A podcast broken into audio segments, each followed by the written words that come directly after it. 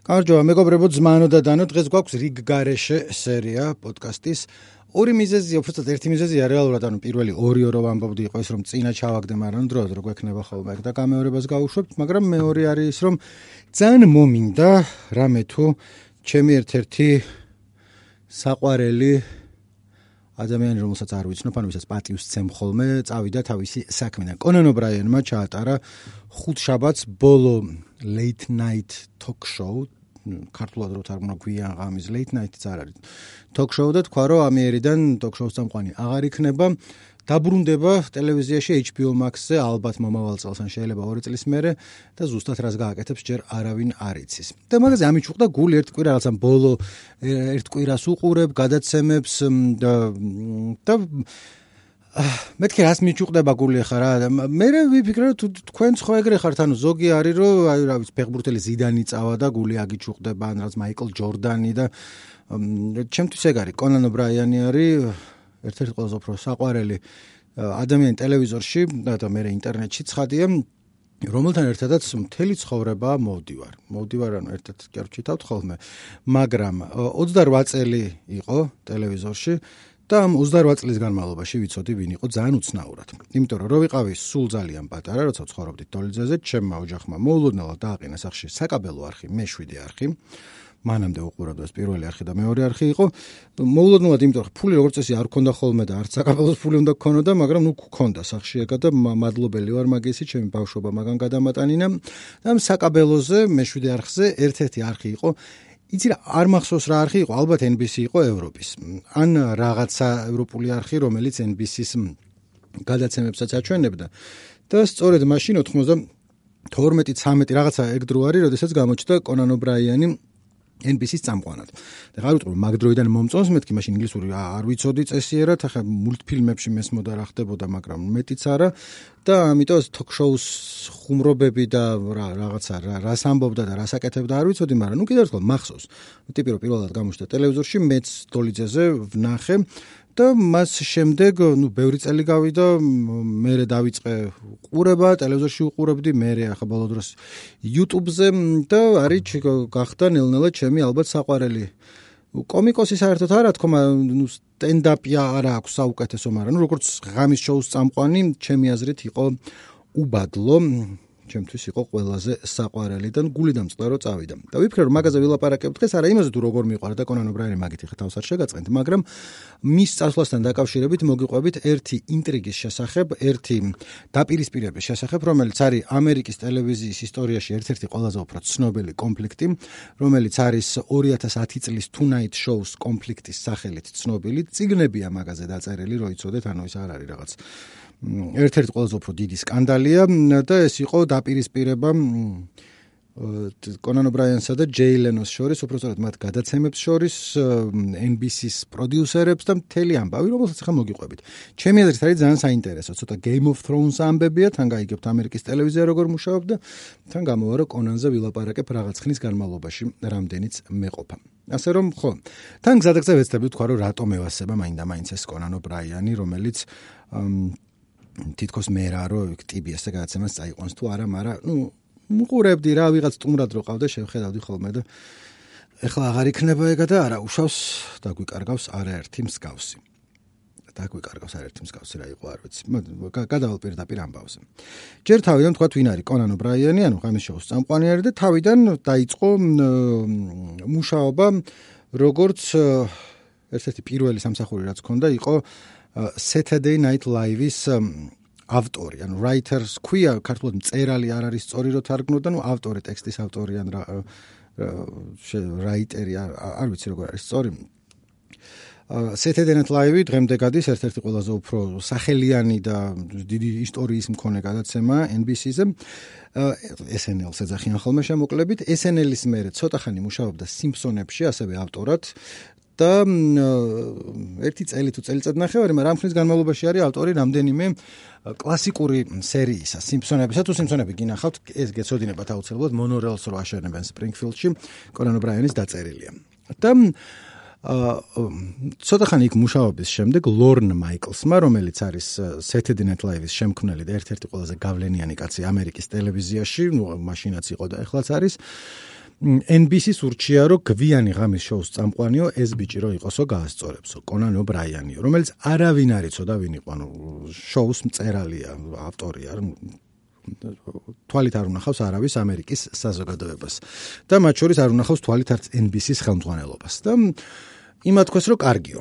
და მას შემდეგ დაიწყო კონან ობრაიანის არც თუ იავარდით მოფენილი კარიერა იყო რამდენიმე მნიშვნელოვანი წინაღობა მის ამბებში და ოღონდ ჯერ გეტყვით რატო იყო ვაკანტური გვიანი ღამის შოუს წამყვანის თანამდებობა, იმიტომ რომ მნიშვნელოვანია ჩვენი ამბისთვის. ჯერ აი სულ თავიდან რომ დავიწყო, ესენი შეიძლება იცით, მაგრამ ნუ მნიშვნელოვანია კონტექსტისთვის. ამერიკაში არის ორი ტიპის, ყოველთვის მაშინ იყო ორი ტიპის ტელევიზია, network television, ანუ ქსელური ტელევიზია და საკაბელო ტელევიზია. ქსელური ტელევიზია არის გაცილებით უფრო მასშტაბიანი განსხვავება ისაა, რომ ქსელური ტელევიზია არის იდეაში, რასაც ანტენით დაიჭერის და საკაბელოსთვის საკაბელოს ფული უნდა გადაუხადო. ანტენით დაიჭერ არაერთ არხს, მაგრამ არის Big 4 დიდი ოთხეული ამერიკული ქსელური ტელევიზიის არის NBC, CBS, ABC და Fox. Fox არის ყველაზე ახალგაზრდა ამათგან. და განსაკუთრებით მაშინ 90-იანი წლების დასაწყისში, ну, ეგ იყო რა, network television იყო ტელევიზია და დანარჩენი ყველაფერი იყო ის პაჭე-პუჭა რაღაცეები, რომელსაც დიდი მნიშვნელობა არ ჰქონდა. ეგ მალევე შეიცვალა, მაგრამ ნუ ერთ წამი დავიკიდოთ ეგ. ამ 4-დან NBC იყო ჩემპიონი ღამის შოუს გადაცემებს. ყველას თავისი ის აქვს სპეციფიკა, ვინ რას აწובה, ზოგი სერიალებს, ზოგი რაღაცა შუადღის ток-შოუს. NBC-ს ჰქონდა Saturday Night Live, რომელიც არის კომედიური სტილის გადაცემა, რომლის მიბაძვა არის ყველანაირი, აი შაბათის შოუ ჩვენი, რაღაცა კომედი შოუ, მსგავსი რაღაცეები, მანდედან მოდის და ღამის შოუ. ღამის შოუ მიყავდა ყოველთვის NBC-ზე ჯონი კარსონს. ანუ რო ვახსენე რომ კონან ობრაიანი ჩემი სამყარელი წამყვანი იყო, თქო სპორტის ანალოგია რო გამოვიყენოთ, კონანი არ არის ნომერი პირველი ისტორიაში. მოკლედ, პელე არის ჯონი კარსონი. მარადონა არის ლეტერმანი და კონან ობრაიანი ალბათ არის ზიდანი რა, ოღონდ აქ მთავრდება ეს მეტაფორა ფეხბურთის, იმიტომ რომ ჩემი ყველაზე საყვარელი კონან ობრაიანია და არა მარტო ჩემს, ჩემს ზეცხებს ჯობია. მაშინ როცა ვერ იტყვი ზიდანი პელეს ჯობია სისულელია მიუხედავად რომ შეიძლება უფრო გიყვარდეს იმიტომ რომ უყურე. შევეშვათ ახლა სპორტს მოუბრუნდეთ უკან NBC-ზე ვართ და NBC-ზე 30 წლის განმავლობაში ღამის შოუ მიყავდა ჯონი კარსონს რომელიც იყო კაცი ლეგენდა უკონკურენტო ცალსახა მეფე ამ late night-ის რომელიც იჯდა და კიდევ ერთხელ 30 წლის განმავლობაში თავისი დროის კატეგორია როცა ეს გადიოდა ნუ იყო მაგისი იყო რა on გავიდა 30 წელი და ანუ 80-იანების ბოლოს 90-იანების დასაწყისია ახლა. და გასაგებია რომ რაღაც დროს ჯონი კარსონი დატოვებს ტელევიზიას, იმიტომ რომ ბერდება. და ყავს ორი მემკვიდრე, ორი ადამიანი, ვინც შეიძლება რომ გადაიბაროს ეს ტვირთი. ერთი არის ჯეი ლენო, რომელიც არის მისი თანაწამყვანი და თავიდან იყო ხანდახან მაგასთან ერთად მიყავდა ხოლმე და ნუ ბოლო წლების სულ მაგისი თანაწამყვანი იყო ხოლმე. და მეორე არის დევიდ ლეტერმანი, რომელიც ასევე არის კარსონის გამოსდილი, ორივე ნუ კარსონის ისინი იყვნენ პროტეჟეები. ლეტერმანს მიყავს late night show ქვია, ანუ კარსონ ჯონი კარსონის გადაცემა რომ დამთავრდება, მე რეიწება ლეტერმანის. და ეს ორი ადამიანი არის პრეტენდენტი იმისა, რომ ორივე წაიყვანოს ღამის შოუ. ხო, ასევე მნიშვნელოვანია, იმიტომ რომ მე რე იქნება ლაპარაკი იმაზე, რომ ნახევარი საათით ადრე დაიწყო, ნახევარი საათით გვიან დაიწყო, ეს night show გადის 11 საათსა და 35 წუთზე. ყოველთვის 12-ის ნახევარზე იწყებოდა, ნუ 25 რო აკლია 12-ს და ეგრე იყო 30 წლის განმავლობაში მეტიც, ანუ ჯონი კარსონი პირველი წამყვანი არ ყოფილა, მანამდე კიდე ორი კაცი იყო, რომელიც არ ვიცი ვინ იყვნენ, იმიტომ რომ 40-იან წლებში ვის მიყავდა, რა მნიშვნელობა აქვს 50-იანებში თუ რა ვიცი როცა იყო. ა ის დაპირისპირება ჯეი ლენოსა და დევიდ ლეტერმანს შორის ცალკე კიდევ ციგნების და ფილმების საგანია, ანუ მაგაზე ციგნის დაწერილა, სხვა ციგნი დაწერილა და რამდენიმე ფილმი არის, რომელშიც ემები და რაღაცეები აქვს ხალხს აღებული. და მანდ მოხდა ესე, რომ NBC ცდილობდა, რომ ორივე დაეტოვებინა თავისთან. ჯეი ლენოც და ლეტერმანიც, იმიტომ რომ არის არ უნდა და არც ერთის კონკურენტთან გაშვება. საბოლოო ჯამში როგორ მოხდა არა აქ დიდი მნიშვნელობა, მაგრამ იმარჯვა ჯეილენომ, რომელსაც ჩააბარეს ეს ღამის შოუს წაყვანა. ლეტერმანი ძალიან გაბრაზებული წავიდა CBS-ზე. კონკურენტ არხზე. და როცა ჯეილენომ დაიწყო ამ გადაბარება ჯონი კარსონის თავიდან პირველად მოხდა ესე ამერიკის ტელევიზიის ისტორიაში, რომ კონკურენტი უგებდა რეიტინგებით NBC-ს. ანუ NBC იყო სადაც ხდება ეს ყველაფერი და CBS-ზე რო გადავიდა ლეტერმანი, ლეტერმანი შოუ იყო უფრო პოპულარული ვიდრე ჯეილენოსი. კარგა ხნის განმავლობაში, ალბათ 2 წლის განმავლობაში. და თავიდან აი პირველი რამდენიმე თვე NBC იყო იმდენად შეშფოთებული ამით, რომ აი ყველანაირად სლობდნენ რომ ყველაფერი ეგ ორივენი ყოფილიყვნენ მოდი ჯერ ერთი დღე შენიყავი მეორე დღე შენიყავი ერთი გადილას წაიყვანს მეორე საღამოს წაიყვანს. 1000 სულელებს ამბობდნენ რითაც ორივე უკმაყოფილო იყო ლეტერმანი გაბრაზებული წავიდა. და ჯეილენო გადაცემა დაწყებული ქონდა და CBS-ზე გადიოდა უკვე ლეტერმანი როცა ტიპები NBC-დან ეჩალიჩებოდნენ ლეტერმანს რომ უკან დაბრუნებულიყო. ლენო რაღაცნაირად ჩაეჩოჩებინათ. ერთი მხრივ გადაწყვეტილებას იღებდნენ და მე თავის წამყვანს ვინც აირჩიეს იმას მხარს აღარ უჭერდნენ და მაშინვე პანიკდებოდნენ როცა რეიტინგი არ იყო და მოკლედ მთელი ამბები რა.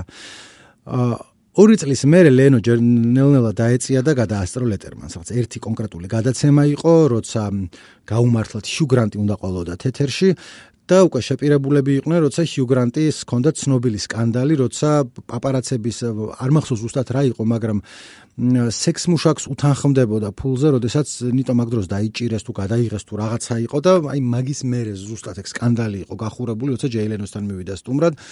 იმ გადაცემას რეიტინგი ჰქონდა, გადაასწრო ლეტერმანს და შემდეგ ყოველთვის იყო გადასწრებული. ხო.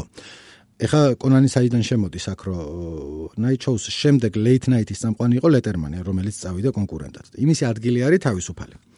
და მანდ კიდევ ერთხელ ლორნ მაიკლმა ლორნ მაიკლსმა რატო შორე ესა თქვა რომ აი კონან ობრაინი იქნება ამის წამყვანიო. რითაც NBC ხვაზე ხარ რასაც ყვებოდი რომ აი ლენოზე უკან აგდებდნენ იმას შვებოდნენ როგორი ნერვიულა ხალხია რომ ო ჩვენ დოლარს რამე არ მიადგეს და ერთი წამით თავის ხალხს არენდობიან ხოლმე მოიყვანეს კონან ობრაინი და პირველივე წამებიდან არენდობოდნენ. ანუ აი ნული ნდობა იყო კონან ობრაინის და ყოველ ჯერზე გადაცემა არ იყო ცუდი თავიდან როგორც ამბობენ, მაგრამ ვიღაცებს არევასებოდა წარმოიდგინე პირველად გამოჩნდა ტელევიზორში ტიპი რომელიც კონან ბრაინის შესახედავად თუ არ იცით ძალიან დასამახსოვრებელი გარეგნობა აქვს. ანუ მაღალია ძალიან.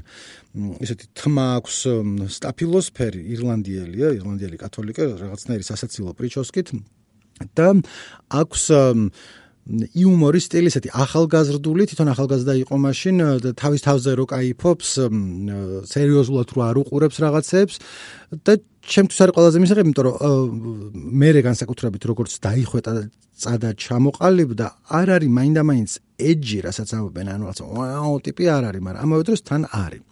თვითონ როგორც თქვა, აი ხა ბოლოს გამოსამშვიდობებელ სიტყვაში ორი დღის წინ, ჩემი ამოცანა ყოველთვის იყო, რომ ერთდროულად, რასაც ვაკეთებდი, ყოფილიყო ჭკვიანური და სულელურიო.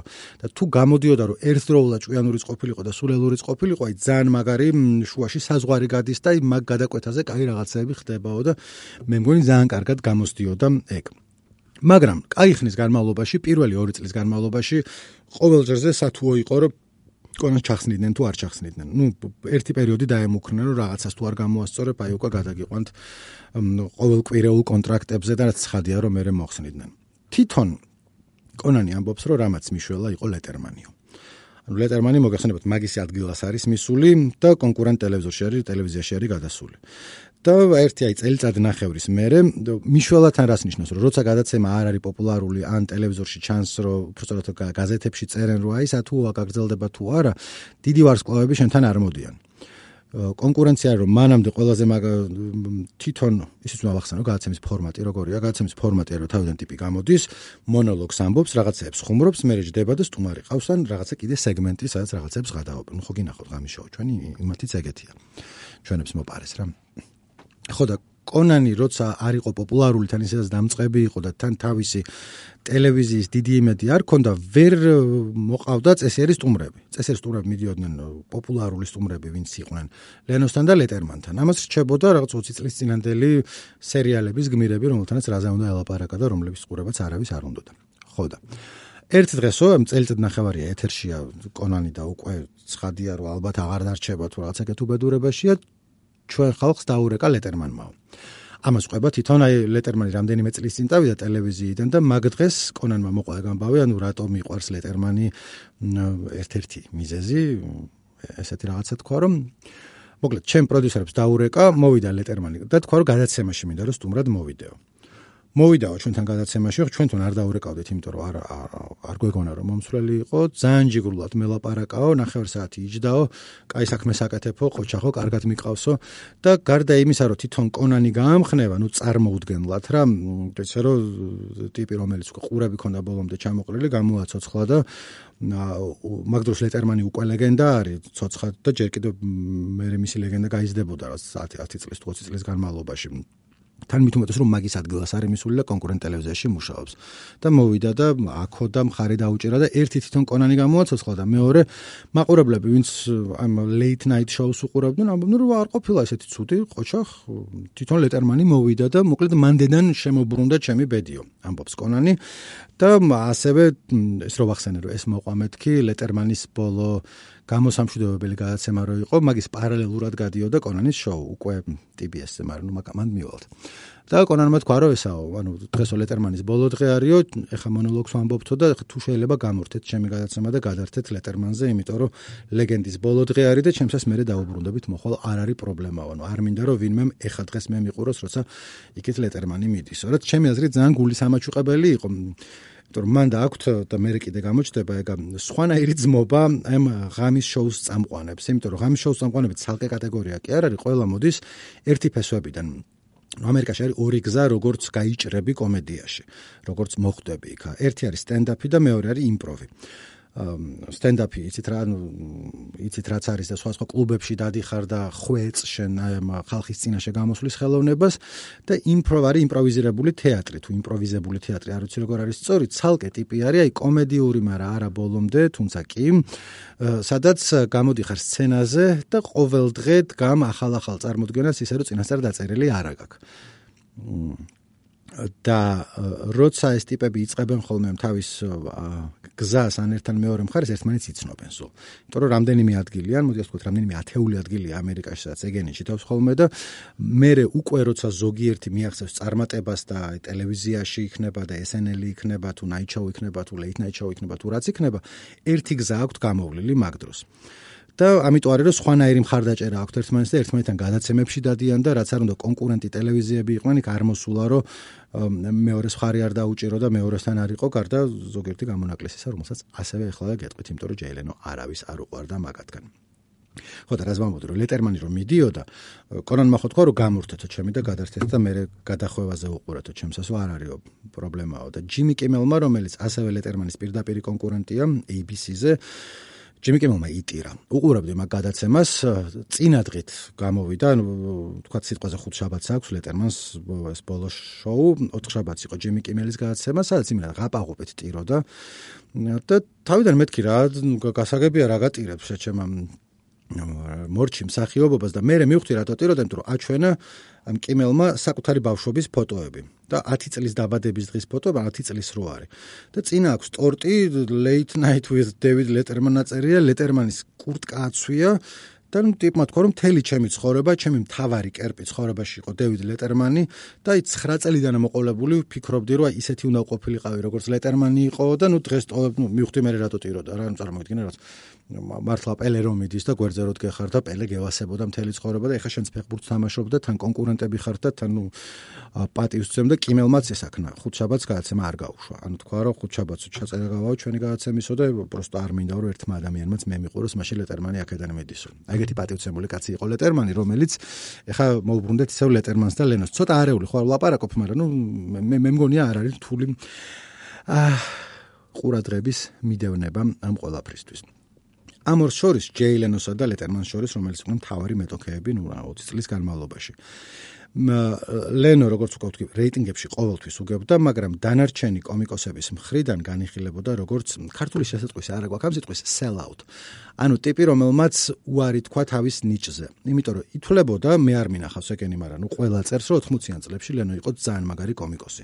ძალიან მაგარი სტენდაფერი ეჯი რაღაცა ის ვაუ რაღაც მაგრა გადაობდა და ლენომ შემდეგ ეს გაცვალა თავისი კომედიური ნიჭი საშუალოობაში, ბანალურობაში. ან ჯეილენო შოუ იგებდა, მაგრამ იგებდა იმიტომ, რომ იყო უფრო მიმართული აი საშუალო სტატისტიკურ ამერიკელზე, რომელსაც ბევრი არ ჭირდება რომ გაიცინო, აი უფრო იმაზე თვითონ ამერიკელები დაცინიან ხოლმე თავის თავს, აი რაღაცნაირი სატელევიზიო ოჯახები რო არის ამერიკული, აი რო არ რო ბევრი განათლებაც არ აქვს და ბევრი რო არ ჭირდებათ და აი მაქსიმალურად დარე იუმორი რომ უნდა მიაწოდო რომ შემთხვევით ტვინი არ გაანძრიოს. ანუ ეს ჩემი ის კი არ არის ამერიკელების დახასიათება არანაირად მაგრამ თვითონ ამერიკელების დახასიათება ხოლმე საშუალო სტატისტიკული ამერიკელების რომლებიც გადაყოლილნი არიან ტელევიზიას და არ ჭირდებათ რაღაცა დამატებითი სტიმულაცია. ეგ უბრალოდ რომ გაითიშნონ და ესე უყურონ. ჩვენც ყველა ვართ ხოლმე ეგრე მაგრამ. ნუ ხო ხტები აი ლენო იყო უფრო მაგისი განსახიერება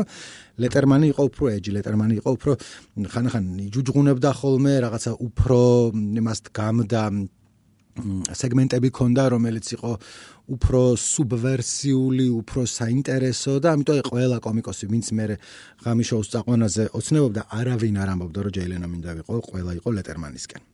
ეხლა მოვუბრუნდეთ კონან ობრაიანს. კონან ობრაიანი არის ლენოს შემდეგ late night show-ში და არის, ანუ მას მე რაც ლეტერმანი მივიდა მის გადაცემაში, ნელ-ნელა მოახერხა თავისი აუდიტორიის მოზიდვა ითვლება რომ არის ძალიან პოპულარული, სასაცილო, ეგეც ლეტერმანის არ იყოს, არის უფრო edgy რაღაც სეგმენტები აქვს masturbating bear არის რომელიც დათვი რომელიც მასტურბირებს, სასაცილო პონტია. რაღაცა ეგეთები მოკლედ და უფრო ყავს ახალგაზრდა მაყურებელი, ანუ ლენოს უფრო უფროსები უყურებენ, ეს ითვლება რომ უფრო ახალგაზრდა, უფრო უფრო განათლებული მაყურებელი ყავს ვიდრე ლენოს და მოკლედ თავისი ის დაუგროვდა რა კარგი ბლომად მაყურებელი კონან ობრაიანს აღარ ემუქრება არაფერი არის ამ ღამის შოუში წამყვანად და გავიდა 10 წელი. ეგრე ამასობაში გადავახდეთ რაღაცებს. და 10 წელი გავიდა არის 2000 წლების დასაწყისი და ამ დროს ლენოსაც და კონანსაც აქვთ კონტრაქტების განახლების პერიოდი. კონანი ამ დროს ჩივის რომ იმდენ ფულს არ უხდიან, რამდენსაც წესით უნდა უხდიდნენ. რამდენსაც თქვათ ლენოსთან შედარებით იმდენივე კი არ უნდა, მაგრამ ნუ პროცენტულად რაღაცა წილი რო იყოს იმისი, ან რამდენიც კონკურენტ არხებზე ყავთ ტიპებს. და ამ დროს აი კონტრაქტების დრო რო არის მოსული, კონანთან არის მისული ფოქსი. Foxy ახსენე რომ არის 4 ქსელური არხი არის, ნუ ერთ-ერთი არის Foxy აქედან, რომელიც არის დამწყები და რომელსაც უნდა რომ დაითრიოს ვინმე, ვინც იქნება უფრო ახალგაზრდებთან პოპულარული, უფრო ჰიპ იქნება, უფრო მოდური იქნება, თუ ეგეთი არის კონან ობრაიანი. ტიპით დაუძახეს ერთ სადილზე, მეორე სადილზე და დაპირდნენ ცას და დედამიწას. ანუ დაპირდნენ პროსტა რას გეტყვით, ანუ სრულიად ზღაპრული პირობების შესთავაზეს. პირველ რიგში შესთავაზეს 7ჯერ მეტი ხელფასი. 7ჯერ მეტი ხელფასი რო წარმოიდგინოთ, რამდენია 3 მილიონი ქონდა კონას და 21 მილიონს მისცემდნენ. ასევე შესთავაზეს, რომ მისი გადაცემა თუ Fox-ზე გავიდოდა, გავიდოდა ნახევარი საათით ადრე, ვიდრე იწება ლენო და ლეტერმანი, ანუ NBC-სა და CBS-ზე, რაც ძალიან მნიშვნელოვანია. მან დამავიწყდა, მე თქვა, მეხსნა კიდე ხარ რატო უხო, მაგრამ ეს ქსელური ტელევიზია თქო, რომ ვახსენებ, იქ ხო არ არის ერთი ანზა, რომელიც მთელ ამერიკაზე მაუწყებლობს. ამერიკა დიდია. ამიტომ ამათ აქვს რაღაცა რთული ურთიერთობა, თქვა, არის NBC და არის NBC affiliates, ანუ დაკავშირებული თუ მეკავშირე, არ ვიცი როგორ ითარგმნება სატელევიზიო არხები, რომლებიც გადაცემენ NBC-ს, მაგრამ თქვა, ახალი ამბები როცა გადის, 11 ნახევარს თუ რა ვიცი როცა არის ოჰაიოში თავისი ახალი ამბები გადის სადღაცა ფლორიდაში თავისი გადის და კალიფორნიაში თავისი გადის. Local news გადის იქა რომელსაც თვითონ ეს affiliate ტიპები ადგილზე აწარმოებენ და რატო თქვი ესა რომ ვთქვათ Fox-ის თავაზობდა რომ ნახევარი საათით ადრე დავიწყებ შენ გადაცემასო, იმიტომ რომ Fox შეეძლო ეგეთ თქვა, იმიტომ რომ Fox-ის ახალი ამბები უფრო ადრე გადიოდა ხოლმე ვიდრე NBC-ს და CBS-ის. და ამასთანო ჩვენის ანიმაციური სტუდია რაც არისო და Fox-ის ანიმაციის სტუდია არის Simpson-ები და კიდე რაღაცეები დაგიჭერთო მხარსო რაც გინდა გააკეთეო. რაც იყო აი წარმოუდგენლად კარგი პირობები. კიდევ ერთხელ 7 ჯერ მეტი ხელფასი, უკეთესი დრო, როცა დაიწყება გადაცემა, უკეთესი მხარდაჭერა, გვერდზე ვიღაცები არ აყავს და ერთადერთი რაღაცა რისი შეთავაზებაც Fox არ შეეძლო, იყო ერთ-ერთი რამე, რასაც რაც უნდა და Conan O'Brien-ს. Conan O'Brien-ს უნდა რომ ღამის შოუ წაეყვანა NBC-ზე. ის რომელიც Johnny Carson-ს მიყავდა. იმიტომ რომ ყველა მაგათი თავების ვინც იყო, გაიზარდნენ, რომ ეს არის ერთადერთი ტახტი. ან შეიძლება გქონდეს სხვა უფრო პოპულარული გადაცემა, რომელსაც უფრო მეტი უყურებს სხვა არხზე, მაგრამ ეს ის არ არის. ის რაც არის არის ჯონი კარსონის ღამის შოუ და NBC მიცოდა რომ მაგით ყავდათ დაკერილი კონან ობრაიანი. თუმცა კონანს ყველა ეუბნებოდა გარშემო რომ Fox-ის ის აიღეო ძალიან კარგი კონტრაქტის პირობებიაო. შემდეგ NBC გაიშტერა თქვა რომ კაი მოგიმატებთ ხელფასში დედაცვატირეო, მოუმატეს 8 მილიონამდე. 3-დან 8-მდე გაუზარდეს, რაც კარგი შედეგი იყო, მაგრამ 21 არ არის, ხო? და მეორე კონტრაქტში ჩაუწერეს, რომ თუ ჯეილენოს რამე მოუვა შენ ახარ იმისი შემცვლელი. ანუ ამჯერად იყო რაღაც ეგეთი კონტრაქტის ერთ-ერთი პუნქტი, რომლის მიხედვითაც ოდესმე მომავალში თუ ლენო აღარ იქნებოდა, იქ იქნებოდა კონანი. და ნუ კონანის ეგ იყო ყველაზე მნიშვნელოვანი, რომ აი ის ნაით შოუ წაეყვანა, რის გამოც მივიდა იქ. თუმცა ყველა ეუბნებოდა, რომ აა კონანი კი არა და ჯეილენო არ მედის ჯერ ასად. ახალგაზრდა, ნუ აღარ არის ახალგაზრდა, მაგრამ ნუ ესეთია რა. არ არის ბებერი, უნდა წაყვანა და წადი ფოქსზეო. აა შემდეგი კონტრაქტის დადების პერიოდი უკვე რამდენიმე წლის მერე იყო 2005-6 რა მაგ დროს არ მახსოვს წლებს რა მნიშვნელობა აქვს თქვენთვისაც და ამ დროს უკვე კონანმა თქვა რომ კაროჩეო რა ის მე როდემდე ვიყო ამ ღამის შოუში რაღაცა მიმიყავი თუ ახლა იმიტომ რომ ამ წავალო სადღაცა მეძახის უკეთ ფოქსიო კიდე ფულს მაძლევსო. და ჯეფ ზაკერმა თუ ცუკერმა არ ვიცი როგორ გამოითქმის მისი გვარი ცუკერბერგ ზაკერბერგშიც ვერ გავარკვია ამ ტიპში მით უმეტეს რომელიც იყო მაშინ NBC-ს რაღაცნაირი ერთ-ერთი უფროსი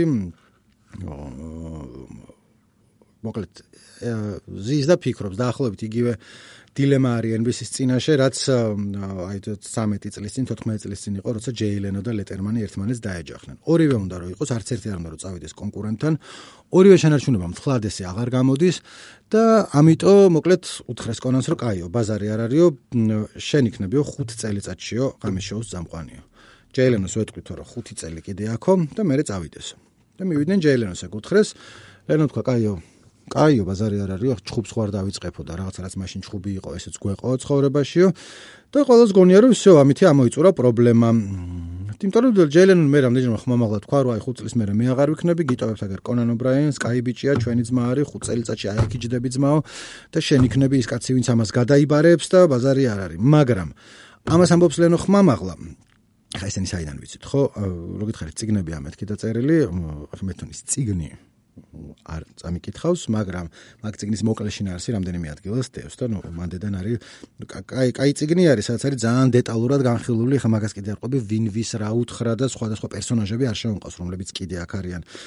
დები ვიკერსი იყო ჯეილენოს პროდიუსერი, რომელიც ასევე რაღაცებს ქსელავდა იქ, მაგრამ მოკლედ ეგენ დავიკიდოთ. ჯეილენო მიუხედავად იმისა, რომ ზეპირად თქვა, რომ კაი მივდივარ, ბაზარი არ არის და აქ უტოვებ კონანს და გადამილოცნია აღარ ვაპირებ არჩევნებში მონაწილეობა მივიღო.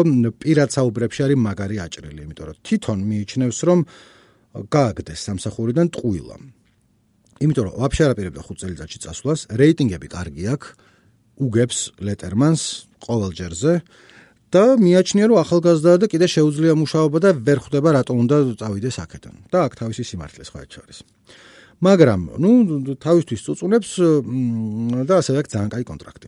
ანუ მაგას მნიშვნელობა აქვს იურიდიულ დეტალებში არ შევართ ლენოს აქვს გაცილებით უკეთესი კონტრაქტი ვიდრე კონან ობრაიან სადაც რაღაც საუც ვერ გაუშვებ ლენოს ტელევიზიიდან. და ლენო იწებს წუწუნს რომ მეც მიყავით რამე რაღაცა. წავალ აგერ კონკურენტებთან. მეძახიან მეხვეწებიან და ეს ზაკერი თუ ცუკერი რო ვახსენე ის ცდილობს რომ დააკმაყოფილოს ლენო და სხვადასხვა რაღაცებს თავაზობს რომ თუ გინდა აი რაღაცა გავაკეთოთ რომ თვეში ერთხელ შენი ერთ საათიანი გადაცემა გავახოლმე ან თუ გინდა კვირას პრაიმ ტაიმი წაიყვანე რაღაცა სხვა ტიპის გადაცემა გქონდეს ან სხვა არხზე გადაგიყვან ჩვენსაზე რომელიც ასევე NBC-ს ეკუთვნის რა. და იქ რაც გინდა აკეთე ამავე დროს დანარჩენი NBC წუწუნებს იმაზე რომ კონან ბრაიანი არ უნდათ, იმიტომ რომ კონან ბრაიანი და რეალურად რა არის, კონან ბრაიანი 1 საათი 1 საათით ადრე გადმოყავთ ქვია.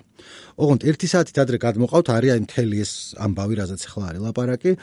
კონან ბრაიანის ოფისი არის ნიუ-იორკში და ამიტომ მთელი მაგისი სასტავი ვინც არიან, ну, ალბათ 100-ზე მეტი ადამიანი, ვინც ამ შოუზე მუშაობს, უნდა წავიდნენ ლოს-ანჯელესში, სადაც იწერება night show და იქ გადაცხოვრდნენ, რაც ცალკე როგორი თავის ტკივილია და ну, უბრალოდ რო იცოდეთ, რამხელა ინვესტიცია არის ესა იწება კონან ობრაიანის შოუს დეკორაციის აშენება, რომელიც 50 მილიონ დოლარი ჯდება. ცოტაზე კი არ არის ლაპარაკი, სერიოზული მილიონობით დოლარიანი ინვესტიციაა. ამ დროს ჯერ კიდე ერთი წელი არის ამ ცვლილებამდე, რომ კონანი უნდა გახდეს ლენოს ადგილას. NBC-ს სხვადასხვა უფროსობა იწყებს წუწუნს, რომ ეცერა კონანი მეტის მეტად ახალგაზრდულია, ძალიან ხო, ახალგაზრდები კი მოყავს, მაგრამ აი შუახნის ამერიკელებს რას უზამთ, რომელიც ლენოს მაყურებლები არიან, მოდი ნუღა იღადავებს ეს masturbating bear, აღარ გვინდა რაღაცა ის შევცვალოთ, რომელიც იქ როგორც არიან კონანი წინააღმდეგი კი არ არის მაგის, მაგრამ მეტის მეტად აი წუპუ წუპუ ყველაფერში ჩარევას რო იწყებენ ტიპები, რომლებიც არ უნდა ერეოდნენ, იმიტომ რომ არ არიან კრეატიული ტიპები. ხა გადაუხვევ ერთი წამით და დარწმუნებული ვარ, ბევრი ვინც მისმეს და მე თვითონაც ეგრე ვარ, ფიქრობს რომ ხო, რა თქმა უნდა, მენეჯმენტის საქმეა, რომ ინერვიულოს ამ ყველაფერზე და გადაგახებია, რომ გადაცემის წამყვანია, მაგრამ რაღაცები უნდა გაუკონტროლო, რაღაცები შეცვალონ, რაღაცა ის სხვანაირად გააკეთონ, ბაზარი არის სწორია ეგ, მაგრამ მე მინახავს რამდენად დეტალებში და რამდენად უაზრო დეტალებში ერევიან ხოლმე ეს მენეჯერები. სად მინახავს ამ რამდენიმე წლის წინ იყო ესეთი სკანდალი, გემახსოვრებათ Sony-ს იმეილების გაჟონვა რომ მოხდა. ანუ Sony Entertainment-ის პირადი იმეილები, რასაც ტიპები ერთმანეთს წერდნენ ათასობით. გახდა საჯარო, ჰაკერებმა მოიპარეს, როგორც ამობენ ჩრდილო კორეელები იყვნენ, მაგრამ ნუ არ აქვს მშობა იდო ინტერნეტში და მან მაგ წაკითხული რეებს წერენ ერთმანეთს ტიპები, აი მაგ დროს გამოდიოდა Spider-Man-ი ერთ-ერთი, აი Garfield-ი რო არის Spider-Man-ი, ანუ კატა Garfield-ი კი არა, Andrew Garfield-ი, მსახიობი. და მან ერთი ტიპი აი რომელიღაცა Sony-ს executive წერს, აი ხა თვითფრინავში მიფრინავ და ესეთი იდეები მაქვს და იდეები არის აი გულის ამრევი რომ იცი რა ახალგაზრდებს რო თავი მოვაწონოთ ხო არ გამოვიყენოთ მეტი ელექტრონული მუსიკა და ასევე ეხლა არის მოდაში extreme sports და იქნება რაღაცნაირად spidey-ით ჩავრთო თამაში და ეს extreme sports და ვეგანობა და იქნება spidey ვეგანი იყოს რომელიც აი ხო ხდები ის კი არ არის რომ აი რაღაც ეს მენეჯერი არის და ზოგად ხედვას ავრცობს ამაზე თუ სტრატეგიას თუ რაც ქვია. არის რომ პატარა რაღაცებში ერევა რომ იქნება ეს ვეგანებზე ვილაპარაკოთ, იქნება ამაზე ვიხუმროთ და თვითონ მე რეჟისორის პასუხი ვიღო, რომელიც სხვას წერს რომ აუ რატო შემცეს, აი რა ხვდებით ხო და აი აქ იყო სულეგენი რომ დაწყებული არა აქტივს გადაცემა ერთი წელია დარჩენილი რომ უკვე ხელს უშლიან და უკვე ეს არის რომ იქნება აღარ გვინდა. იქნება ლენო ჯობია რომ იყოს, მაგრამ ლენო ვერ იქნება, იმიტომ კონტრაქტში გვაქვს უკვე, მაგრამ მეორე მხრივ რა უყოთ.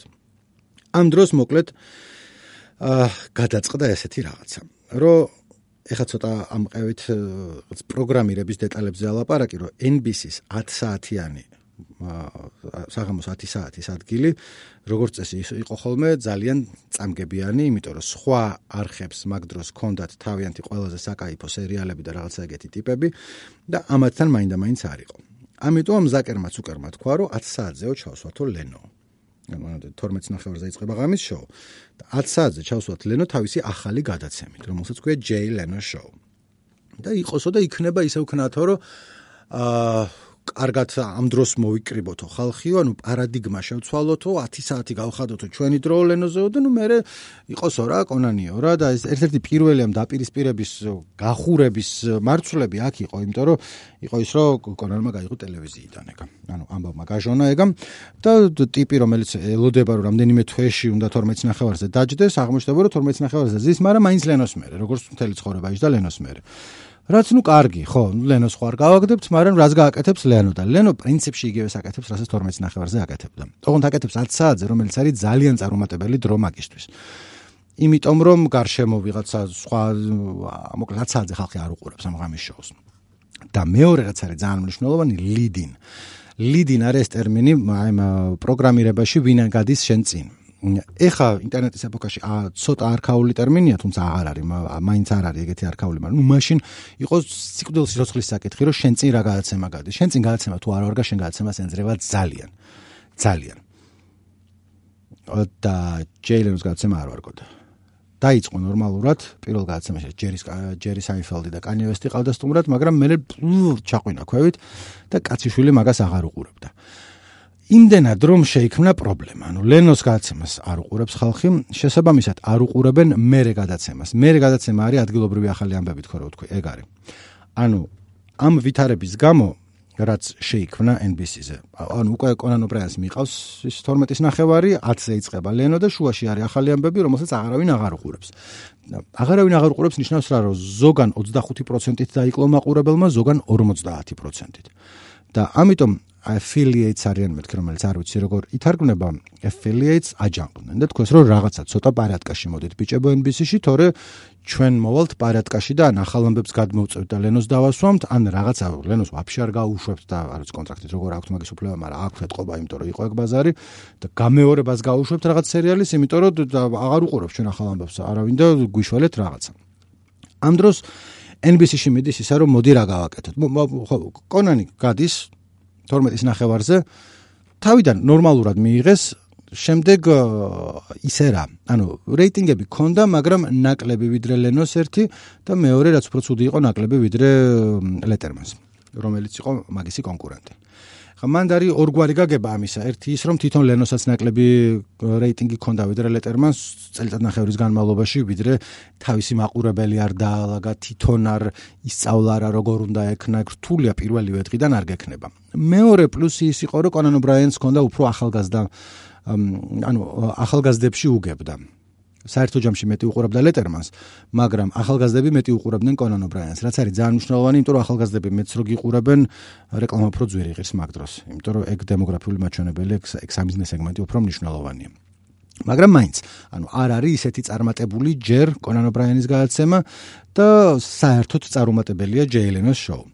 და ყველა ამ დროს უკვე წერს რომ თვითონ ყოველთვის კონანის ხედვა არის რომ ლიდინ მაქვს ცუდი ან და სხვაებიც ამბობდნენ მე უკვე როცა გახურდა დაპირისპირება რომ თავიდან ყველა ეგრე იწებს რა სუსტად იწებს ვიდრე ხოთზე მოხვალ ვიდრე აზრზე მოხვალ ვიდრე დაალაგდები ვიდრე მაყურებელი მოგეჩვევა და მაგ დროს თუ შენ წინა გადაცემა იჯვამს არ მოგეცემა მაგის საშუალება კონან ბრაიანს ეგრევე არ მიეცა მაგის საშუალება, იმიტომ რომ როგორც კი დაიწყო ეს ნერვიულობა რეიტინგებთან დაკავშირებით, დაიწყო ბაზარი იმაზე, რომ რაღაცა ვქნათ. და ეგ ბაზარი დაწყებული იყო ჯერ კიდევ ვიდრე კონან ბრაიანი წაიყვანდა გადაცემას. და იყო ლაპარაკი იმაზე, რომ რაღაცა უნდა უყოთ, ანუ ლენ ვატზე ვერ იქნება, იმიტომ რომ არ ვარ გაიქ ცუდად ცუდად გილაძის. ამ ამიტომ რა გავაკეთოთ? იქნება კონანი გაუშვათ. ну ფული მივცეთ რაღაცა რაც ეკუთვნის კონტრაქტით და ლენო გადმოვიყვანოთ აქ. და ამ ზაკერმა, ზუკერმა რომელიც იყო, თან კონანის ჯგუფელი იყო ჰარვარდში, ყველანი ჰარვარდ დამთავრებული ხალხია და კონანის პროდიუსერის ჯეფროსი არის დღემდე მისი პროდიუსერი, მისი ძმაკაცი იყო რა. ესეთი გადასარევი რაღაცა მოიფიქრა. მოკლედ, რამდენიმე თვის განმავლობაში იურისტები ამ ორივეს კონტრაქტს სწავლობდნენ. და როგორც უკვე ვახსენე, ჯელენოს ბევრად უკეთესი კონტრაქტი ჰქონდა და კონანის კონტრაქტში არ ეწერა, რომ მაგისი გადაცემა უნდა დაწყებულიყო 12-ის ნახევარზე.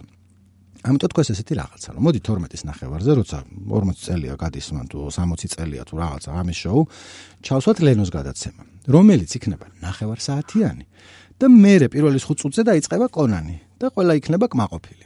ხონთ ამითი არავინ არ იყო ყოფილი როცა ეს გააჟღერეს.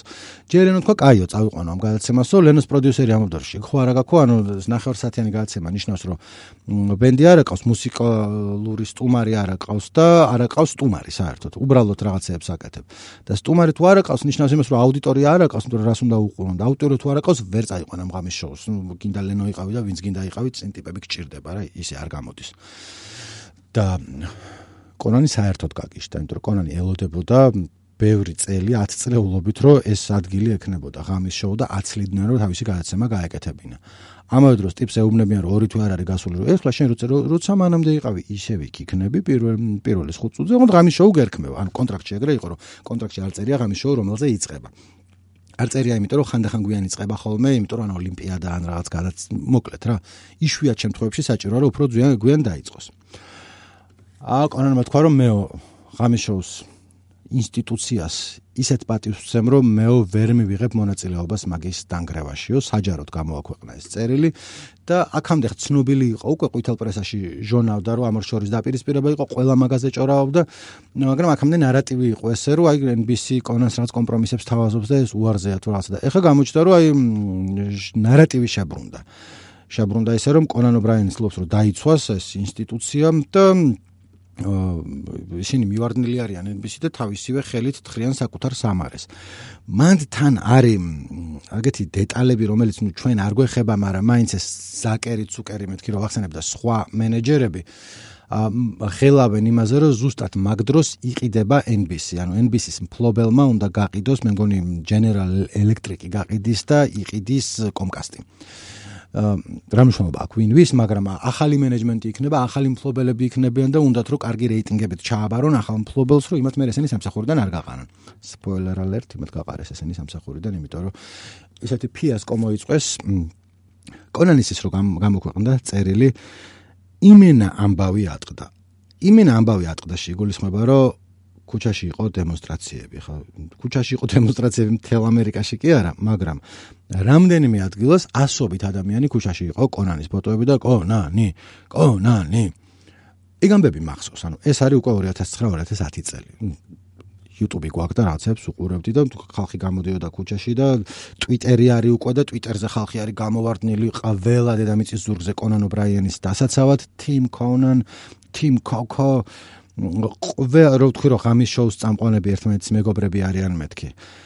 აა დედამიწის ზურგზე სულ ყველა იყო კონანთან, აი ვაფშე ვინც ვინვე არის, გარდა ჯერი საინფელდის, ანუ ჯერი საინფელდის სერია.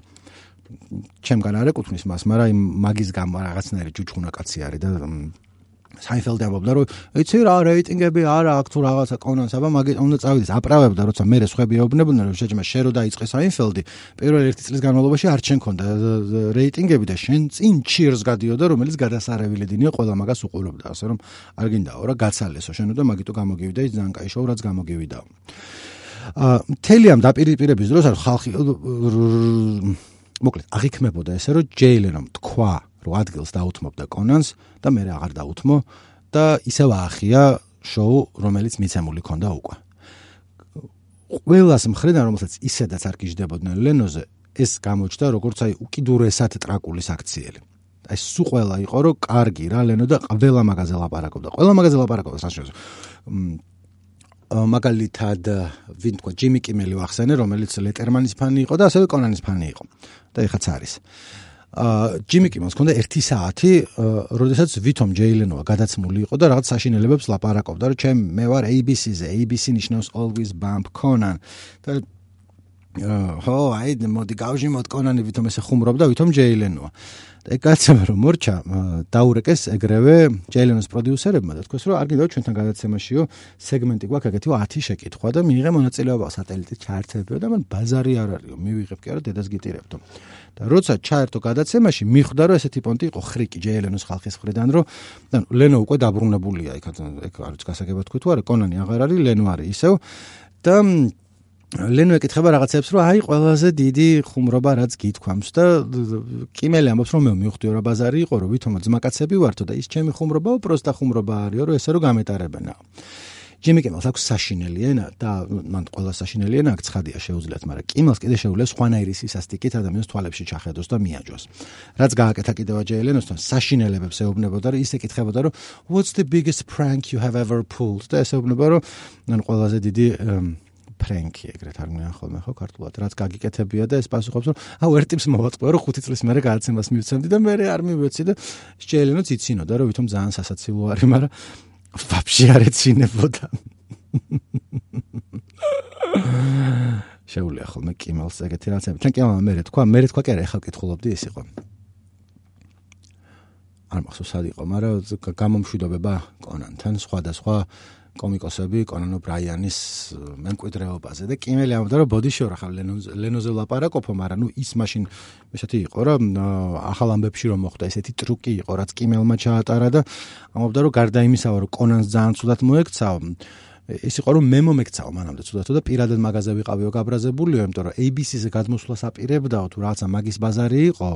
მეო მირეკავდაო რაღაცა ლუდზე დავდიოდითო მეძმაკაცებოდაო და როცა ეგ ამბავი ჩაიშალაო სავარაუდოდ არც ჩაშლილა და არც აპირებდა გადმოსვლას უბრალოდ MBC-ისთვის მეტი ფული რო აეხია მაგას ჩალიჩობდაო და მე არც დაურეკავს არასდროს ანუ ეს იყო ნაწყენი ადამიანური პონჩირო ტიპი. მე მეგობრებოდა ვითომ და თურმე მარტო საქმისთვის ჭირდებოდი იმიტომ რომ რო გადასულიყო ლენო ABC-ზე კიმელი უნდა ჩაეწიათ და ჯერ ლენო იქნებოდა და მე კიმელიდან კიმელ თანხმა იქნებოდა მაგაზე, მაგრამ ნუ აი გაბრაზდა იმაზე, რომ რაღაც გამოიყენეს ადამიანურად და მაგიტო აა მაგიტო ქნა ის რაც ქნა, მაგრამ ყველა გარშემო სხვა ток-შოუები რაც იყო, მაგაზე ლაპარაკობდა და მოკლედ ყველა უჭერდა მხარს კონანს. საბოლოო ჯამში ბოლოს კერმი რა რამხელა გამომივიდა, მაგრამ ერთი მნიშვნელოვანი გადახვევა უნდა გავაკეთო, რომ მეც გამიჩნდა შეკითხვა და ალბათ თქვენს გაგიშთათ რომ რა რატო გამოდიოდა ქუჩაში ხალხი, რატო იყო ესეთი სალაპარაკო ამბავი მილიონერების დაპირისპირება. ანუ ნახერაში ასაქმე ბოლოს ეს დამთავრდა იმით რომ NBC-მ კონანი გააგდო, გადაუხადა 45 მილიონი დოლარი. მან კიდე იყო ცალკე ინტრიგები, იმიტომ რომ NBC სავარაუდოდ NBC ხა ვინ იზამდა ყვითელ პრესაში აპარებდა ინფორმაციას, რომ კონანი მარტო თავის ფულზე ელაპარაკება NBC-ს და ფეხზე კიდია თავისი თანამშრომლები, რაც იყო ყველაზე უფრო საწყენი კონანისთვის, იმიტომ რომ ვაფშე არ იყო ეგრე საბოლოო ჯამში მოკლედ კონანს მიცეს რა 45 მილიონი რო წასულიყო და 6 თვის განმავლობაში არ უნდა გაეკეთებინა გადაცემა არც ერთ ტელევიზიაში, არც რადიოში და არც ინტერნეტში. ასევე ფული მიცეს ენდი რიხტერს კონანის თანაწამყვანს იქვე მაქს ვაინბერგი მაგესის ბენდის ლიდერი ვინც იყო. დანარჩენი ხალხი ვინც არის ყველა მიიღო რამდენიმე თვის ხელფასი. და თვითონ კონანმა თავისი ჯიბიდან გადაუხადა ერთი 50 კაცს ვინც იყვნენ სცენის მუშები და ეგეთი ხალხი ვისაც ეს კონტრაქტი არ ეხებოდა. ანუ იმათ არაფერი დამთავრდა საქმე წადით სახში და კონანმა თავისი ფული მისცა რამდენიმე კვირის 7 კვირის თუ რაღაცის მეტი ხელფასი გადაუხადა რაც მე თვითონ იმათი აი მას სცენის მუშების და მაქტიპების პროპკავშირები ამბობდნენ რომ ძალიან კარგად მოიქცა, მაგრამ სხვები არ შვებიან ესეო და ასევე იმ კონტრაქტში იყო მოხსენიებული რომ კონანის თანამშრომლებს უფრო მეტი უნდა მიიღოთ ვიდრე საშუალოდ აძლევს ხოლმე NBC ეგეთ შემთხვევებში შემთხვევებში ხო? მაგრამ მოკლედ იქ რომ მოუბრუნდეთ, ანუ ხალხი ქუჩაში გამოდის, ყველა მაღაზია ლაპარაკობს და ლაპარაკობს რაზე, რომ ახლა კონანის სკენარი ყველა, მაგრამ ნუ დავატირე, რას 8 მილიონი დოლარი თვეში ქონდა ხელფასი, 45 მილიონი დოლარი მისცეს და პლუს ზევით კიდე რაღაცეები და აი 6 თვე არ უნდა ყოფილიყო ტელევიზორში. ნეტა ვინმე ჩვენ მოგცეს რაღაცა ეგეთი 45 მილიონი და მთელი მსმენელები ერთად რო შევიკრიბოთ, თუ იმე მილიონერი არ გვისმენთ დოლარი არ აგვაქვს ერთად აღებული და არც გვექნება ალბათ.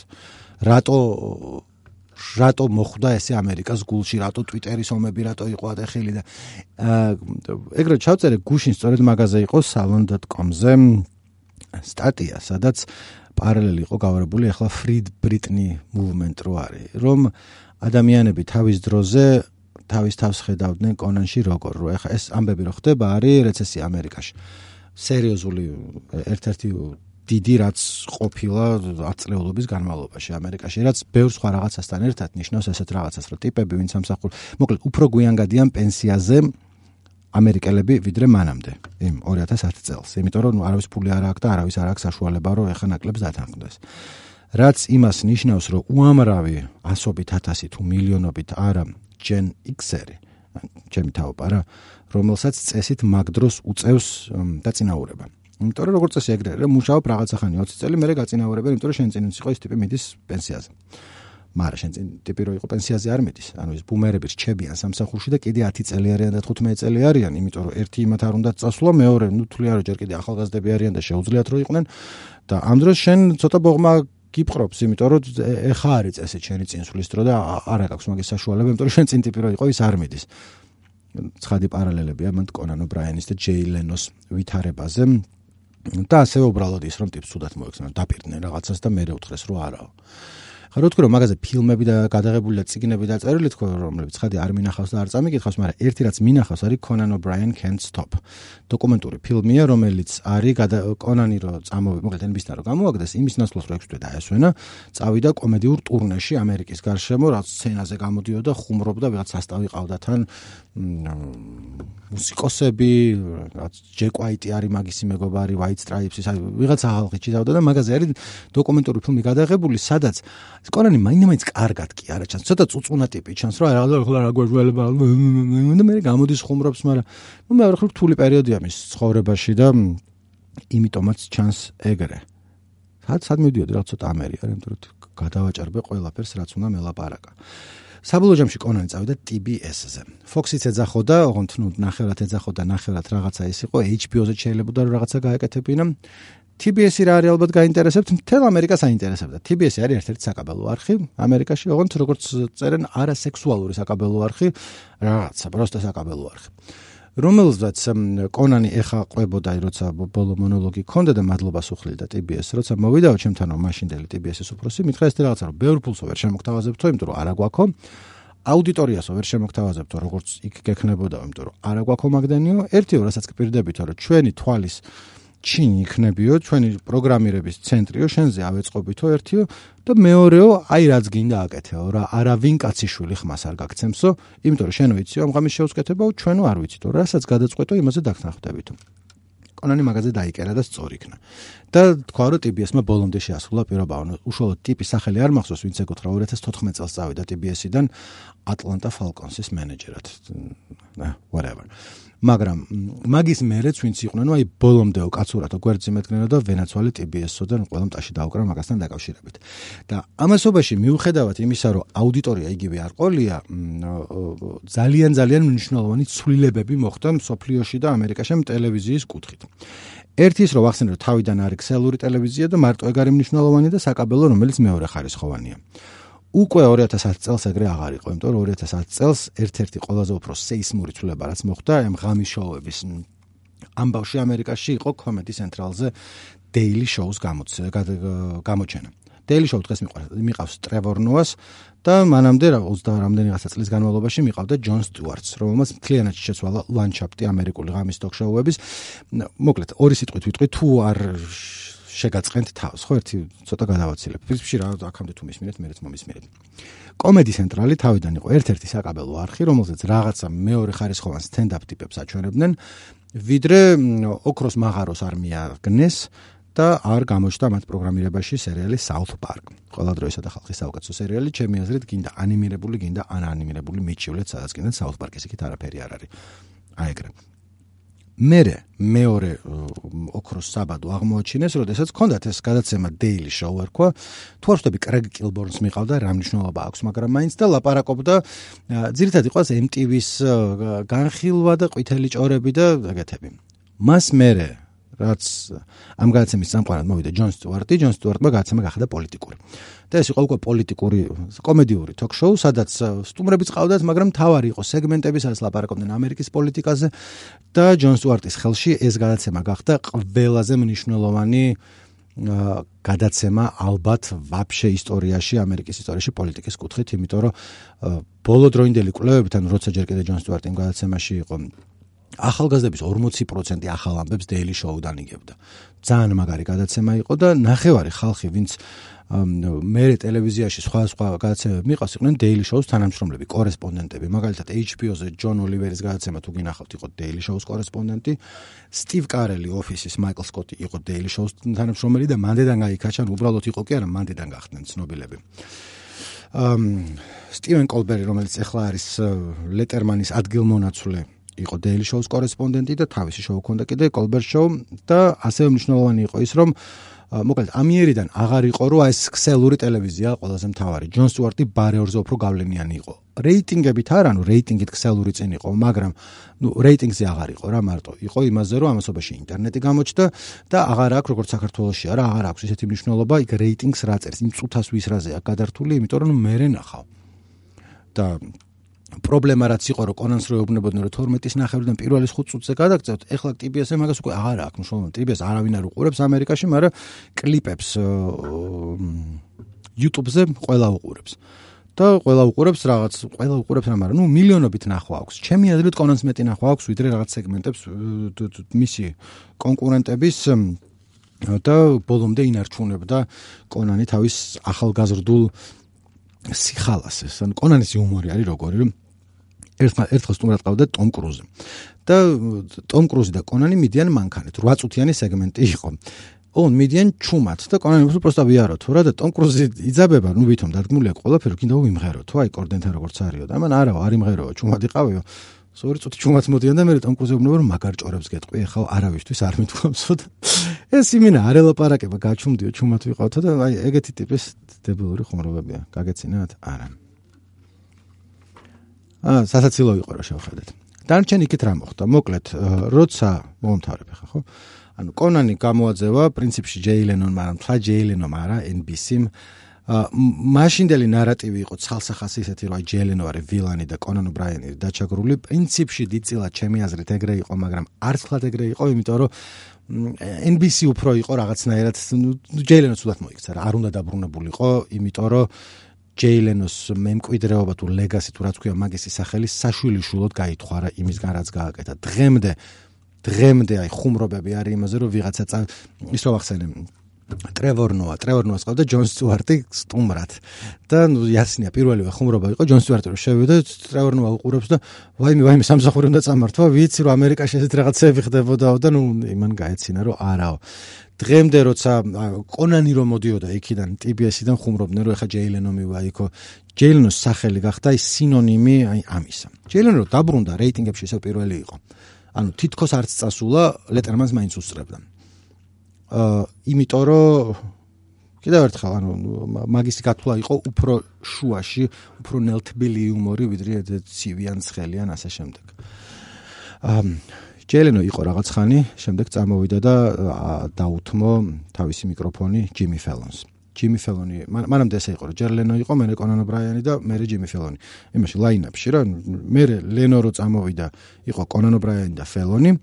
მე კონანი რო გამოდევნეს იყო ლენო და ფელონი და შემდეგ ეხა არის ფელონი არის ღამის შოუს წამყვანი ჯელენოს ადგილას და მის მერე არის სეთ მაიერსი SNL-ის ყოფილი და კონან ბრაიანის მაგარი მხარდამჭერი იმიტომ რომ Saturday Night Live-ის ხალხი ერთმანეთს გვერდზე უდგას ხოლმე. CBS-ზე როგორც თქვი გითხარით რამდენიმე წლის წინ ლეტერმანი წამოვიდა დიდი ფანფარი და სიყვარული და ცრემლების ხვრით და მის ადგილას მიიყვანეს სტივენ კოლბერტი Daily Show-ს ჯერ კორესპონდენტი და შემდეგ Colbert Show-ს წამყვანი. რომელიც დაახლოებით ხარ რო არ გეგონოთ რომ მარტო NBC შვება ხოლმე ეგეთ რაღაცებს. ну კოლბერტისგან ძალიან ვიყავი თავიდან ეხაც მე ასევა მაგრამ ხა ვერ უყურებ მაგალითად გეტყვით რატო პირველი რამდენიმე თვის განმავლობაში ყოველ ჯერზე იყო ლაპარაკი რომ კოლბერტი ლეტერმანის ნაცვლად ეხა გავაგდოთ ავერაკეთებს ესე კარგად როგორც უნდა შვებოდეს. ფელონი გვიგებს ფელონი გვიგებს ფელონი გვიგებს მერე კოლბერტს უშველა იმა რომ ტრამპი აირჩიეს პრეზიდენტად. და კოლბერტის გაცემა გახდა იმენა პოლიტიკური. ანუ თავიდან საინტერესო იყო ტრამპი რო აირჩიეს რას, უბრალოდ მე არის აი ძალიან ქართული ღამის შოუს პონჩი, რომ დღე და ღამე ტოტო ტრამპი, ტრამპი, ტრამპი, ტრამპი, ტრამპი, ტრამპი, ტრამპი, ტრამპი. აღმოჩნდა რომ ეგ იყო რომელიც ეგ ამბავი იყო რაც უნდა და ამერიკელი მაყურებლის დიდ ნაწილს და პირველად ისტორიაში კოლბერმა გაასწრო ფელონს ჯერ ახალგაზრდებში გაასწრო, მერე ზოგად რეიტინგებში გაასწრო და უსწრებს და უსწრებს. კოლბერტს მე არის ჯეიმს კორდენი ეს ბრიტანელი carpool karaoke-ს ავტორი რომელიც არ მეოსება მაგრალი ჩნათ და ABC-ზე არის კიმელი. რომელიც მიყვარს მაგრამ ნუ ეხა მაქსიმში ვინც არის კიმელს უფრო შევხედა ვიდრე ფილმის სხვას. ну სეთ მაიერს როცა ახალი ამბები მაინტერესებს. ფოქსზე არ არის ეგეთი ტიპის გადაცემა. აა უფ რამდენი ვილაპარაკე ეხა მინდა რომ დაავლოცო გზაკონანო ბრაიანს რომელიც ორი წლის მერე გამოჩნდება HBO Max-ზე. რაც გააკეთებს ანუ variety shows წაიყვანსო varietes რაც არავინ არ იცის რას ნიშნავს სამოგზაუროდ ექნება უფრო სამოგზაურო შოუსავით. ამას სეგმენტები ქონდა ხოლმე თავის გადაცემაში რომ ერთხელ კუბაზე იყო ჩასული თუ კუბაში იყო ჩასული სომხეთში იყო ჩასული იმიტომ რომ კონანის თანაშემწე სონამოვსესიანი სომეხია.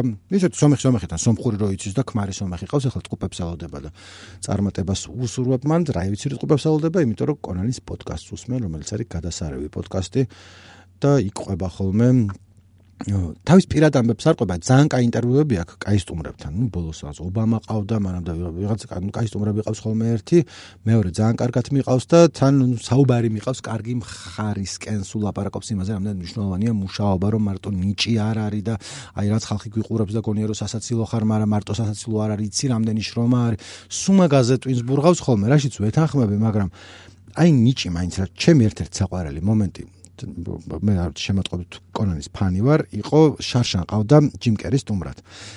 რომელიცაც მეგობარი, ანუ მეგობრობენ და ერთად ხედან ლაპარაკობენ რაც მაგრამ მეგობრობენ, მაგრამ ჯიმ კერი ჯიმ კერია, სხვა დონის მეგავარსკვლავია და მით უმეტეს კომედიის სამყაროში და თან მით უმეტეს არც ჯიმ კერი გინახავთ, თორე ჯიმ კერი ყოველთვის ძალიან სასაცილოა. გიჟია უბრალოდ აი ვერ ჩერდება. ესე შვება და ერთი ორჯერ მქონია მომენტი უყურებ. ნორ მაკდონალდთან იყო. ვაიმე ნორ მაკდონალდს ვახსენებ და მოვბრუნდები ჯიმ კერის თავიდან დამეწყო ლაპარაკი იმიტომ რომ რომელია თქვენი აზრით ყველა დროის ყველაზე სასაცილო ხუმრობა. ჩემი აზრით პასუხი არის moth story ქვია ჩირჩილის ხუმრობა რომელსაც ყვება ნორ მაკდონალდი კონანთან. თვითონ ანეკდოტს არ აქვს არანაირი მნიშვნელობა, როგორც წובה ნორ მაკდონალდი ეგ არის ჩემი აზრით იუმორის პიკი და კომედიის პიკი და იმის იქით არაფერი არ არის, მოთ სტორი ჩაწერეთ YouTube-ში თუ არ გინახავთ, თუ გინახავთ, იცით რაზეც არის ლაპარაკი. და მოკლედ ამ ნორ მაკდონალდთან იყო ჯიმ კერი რომელიც აშკარად არ იყო კარგად, ანუ კარგად არ იყო, ღრმა დეპრესიაში იყო, წვერ მოშვებული, რაღაც ისულელებს ლაპარაკობდა და ტიპს რო უყურებ და რო ფიქრობ, რომ ხანდახან ნიჭი წყევლა არის თუ რა ვიცი რა თქვა, იმიტომ რომ აი ესე ცუდად იყო და დგებოდა და ძალიან სასაცილო რაღაცებს აკეთებდა. უცებ ბლაბლაბლა წყალს ჩაისხამდა პირშე ფიზიკურ კომედიას შვებოდა, კარგად ხუმრობდა. ჯიმ კერი ის არის რა სხვა დონის სხვა დონის ნიჭიერი ადამიანი. Anyway, რას რას ვამბობდი რომ ჯიმ კერისთან აქ კონანს ინტერვიუ და ის რაც მხარს უჭერს ეუბნება ყოველთვის მეოსებენ მუხზე ხელი დაადო და კონანმა შეხედა don't touch me ეუბნება ერთი წამით, ანუ ერთი წამით არ დაყოვნებულა და რო უყურებ აი კონანს სახეზე დაეთყო რომ თვითონაც მოეწონა ხუმრობა და ჯიმ კერი ერთი წამით დაიუბნა და მე იმასაც გაუწოდ რომ სასაცილო ხუმრობა იყო ეს მოსაყოლად არაფერი მაგრამ იქ უნდა ყოფილიყავით რა. კაი, წავედი მე კონან ბრაიანს დაველოდოთ შემდეგ და ნიკოს პოდკასტს დაველოდოთ, რა ვიცი. რატომაც არა. აქ ავარ. What?